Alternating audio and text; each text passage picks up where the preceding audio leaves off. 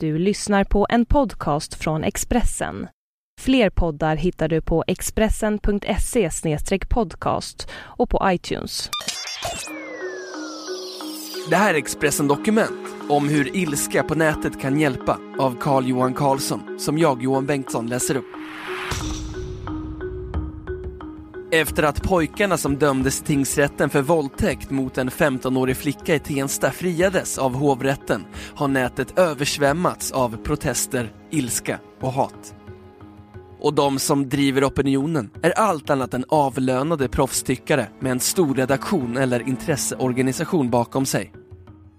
Carolina Ekberg, en fyrbarnsmamma från Nyköping, har fått med sig nästan 90 000 personer i en namninsamling Linda Wallenberg, som driver smyckebutik i Stockholm, skrev ett brev till hovrättspresidenten på Facebook som delats över 37 000 gånger.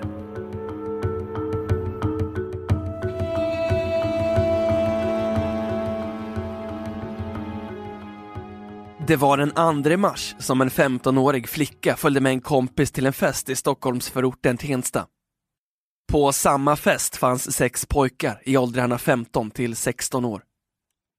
Flickan har i förhör berättat hur pojkarna under kvällen låser in henne i ett nedsläckt rum, tar hennes telefon och sliter av henne kläderna för att sen turas om att ha sex med henne.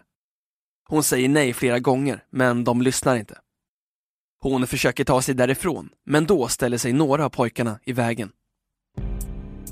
Tingsrätten gick på flickans version och dömde fem av pojkarna för grov våldtäkt och en av dem för försök till grov våldtäkt. Här kunde historien ha tagit slut. Men killarna överklagade domen och i fredags, förra veckan, tog allting en ny vändning.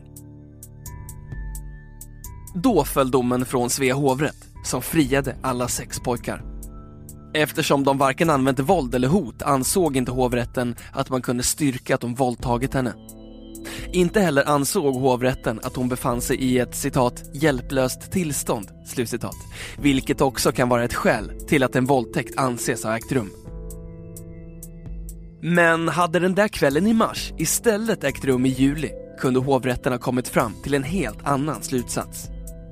Den 1 juli skärptes nämligen svensk våldtäktslagstiftning då utvidgade regeringen begreppet hjälplöst tillstånd till att det ska anses vara en våldtäkt om offret befunnit sig i en särskilt utsatt situation eller känt allvarlig rädsla. Hovrätten skriver i sin friande dom att flickan, citat, kan sägas ha befunnit sig i en mycket utsatt situation, slutcitat. Vilket låter som att det kunde ha blivit en fällande dom om händelsen ägt rum efter lagändringen. Men eftersom allt skedde i mars kom hovrätten fram till att den då rådande lagstiftningen inte räckte för att döma pojkarna. Hovrättens friande dom har orsakat en proteststorm på internet. I en namninsamling på nätet kräver Carolina Ekberg, en fyrbarnsmamma från Nyköping, att fallet ska tas upp i Högsta domstolen. I talande stund har nästan 90 000 personer skrivit under protesten. I sociala medier har aktiviteten varit febril sedan hovrätten meddelade sitt beslut. Linda Wallenberg, 39, från Stockholm, driver en smyckebutik till vardags. Dagen efter hovrätten meddelade sin dom la hon upp ett öppet brev på sin Facebook-sida. Brevet är ställt till Fredrik Wersäll, president i Svea hovrätt och handlar om hur Linda och hennes kompisar sexuellt förgriper sig på honom.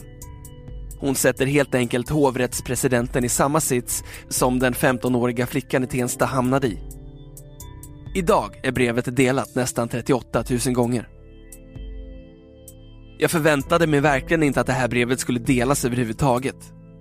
Det var någonting som jag skrev i ren frustration och ilska över hovrättens dåliga beslut. Jag trodde att det var ett skämt först. På ett dygn delades brevet 24 000 gånger. Sen fortsatte det bara, säger Linda Wallenberg. Men hennes framgångsrika Facebook-kampanj fick också en baksida. Det började dimpa ner arga brev hemma i lägenheten från människor som inte gillade vad hon skrivit. Det har varit från rasistorganisationer som tycker att jag fokuserade på fel sak, som tycker att jag istället borde ha tagit upp att de var invandrarungdomar. Men det bryr inte jag mig om. Det finns idioter i alla kulturer. Det viktiga är att få till en lagändring, säger Linda. En som delade brevet till Fredrik Wersäll är Sara Hall, 35 år, från Hudiksvall. När hon såg brevet på Facebook sent igår kväll var det en självklarhet att sprida det vidare till sina vänner. Ja, jag delade brevet. Jag blev så förbannad när jag läste om att de alla blev frikända. Brevet till Wersäll kändes som en protest mot det, men sett från en tjejs vinkel. Det är ju helt klart att det aldrig är okej okay att ha sex med någon som inte vill, oavsett om det är en tjej eller kille. Men om han läser brevet så kanske han kan tänka sig in hur det är att vara i hennes situation, säger hon till Expressen. Emanuel Karlsten, krönikör i Dagens Nyheter och expert på sociala medier, tycker att det är bra att folk engagerar sig, men påpekar att man måste vara uppmärksam när man bidrar till debatten på nätet. Alla vill kanalisera sin frustration. Det är bra att de gör det, men det gäller också att vara försiktig så att man inte blir en del av en kampanj som har tvivelaktiga syften. I debatten om pepparkaksgubbar i Lucia-tåg visade det sig att det var främlingsfientliga krafter som låg bakom en kampanj. Så det finns alltid en risk att man blir en del av någon annans propagandaplan, säger Karlsten. I det här fallet innebär den framgångsrika namninsamlingen att makten får upp ögonen för att det finns en bred opinion. Imorgon ska organisationen Crossing Borders genomföra en demonstration utanför riksdagen. Då man bland annat ska lämna över alla underskrifter som Carolina Ekberg samlat in till justitieminister Beatrice Asks statssekreterare. Det hjälper dock inte den 15-åriga flickan. Även om hennes fall skulle tas upp i Högsta domstolen kommer det att bedömas utifrån den lagstiftning som gällde den där kvällen i Tensta den 2 mars. Anna Berheim, PR-konsult på Vestander, tror dock att både politikerna och rättsväsendet påverkats på lång sikt av den debatt som pågår nu. Den här opinionen påverkar på tre sätt.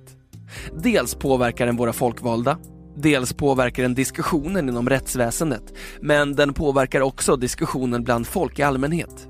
Vid middagsbordet, i fikarummet, på skolgården det kanske inte förändrar hur det här specifika fallet ska sluta, men på lång sikt påverkas politikerna och lagstiftningen av en sån här debatt, säger hon.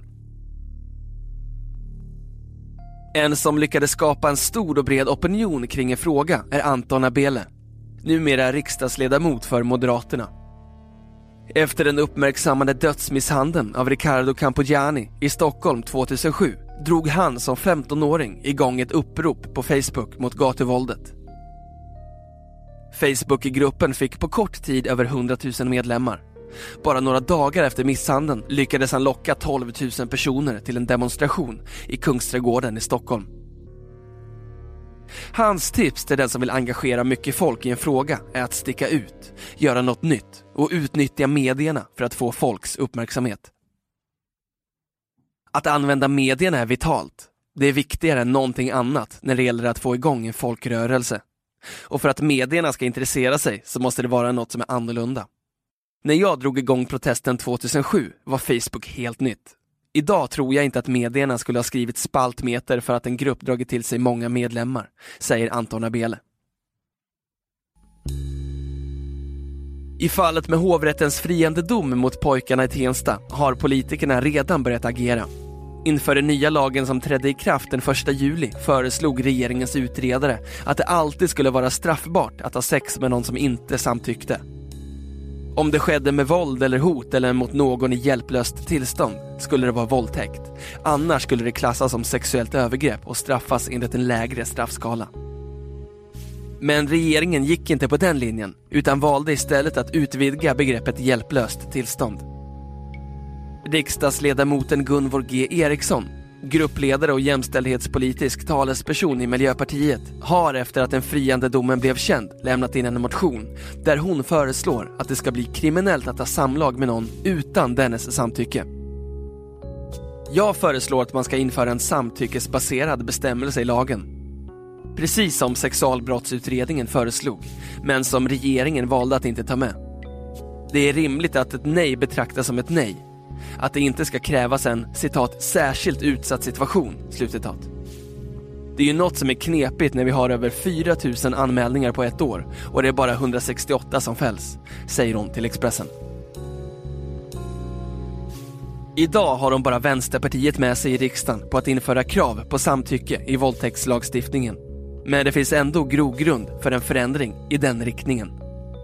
Sverigedemokraterna har öppnat upp för en bestämmelse om samtycke och Socialdemokraterna stänger inte dörren för att i framtiden ta ställning för en sån ändring.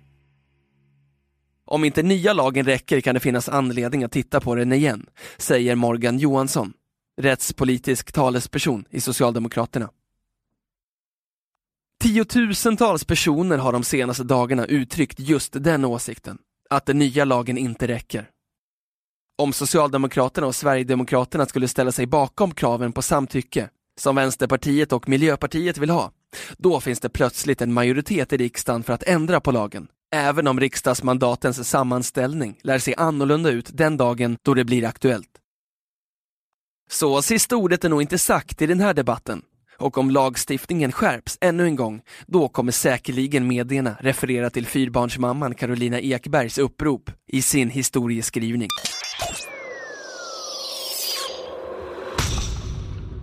Du har lyssnat på en podcast från Expressen. Ansvarig utgivare är Thomas Mattsson. Fler poddar finns på Expressen.se och på iTunes.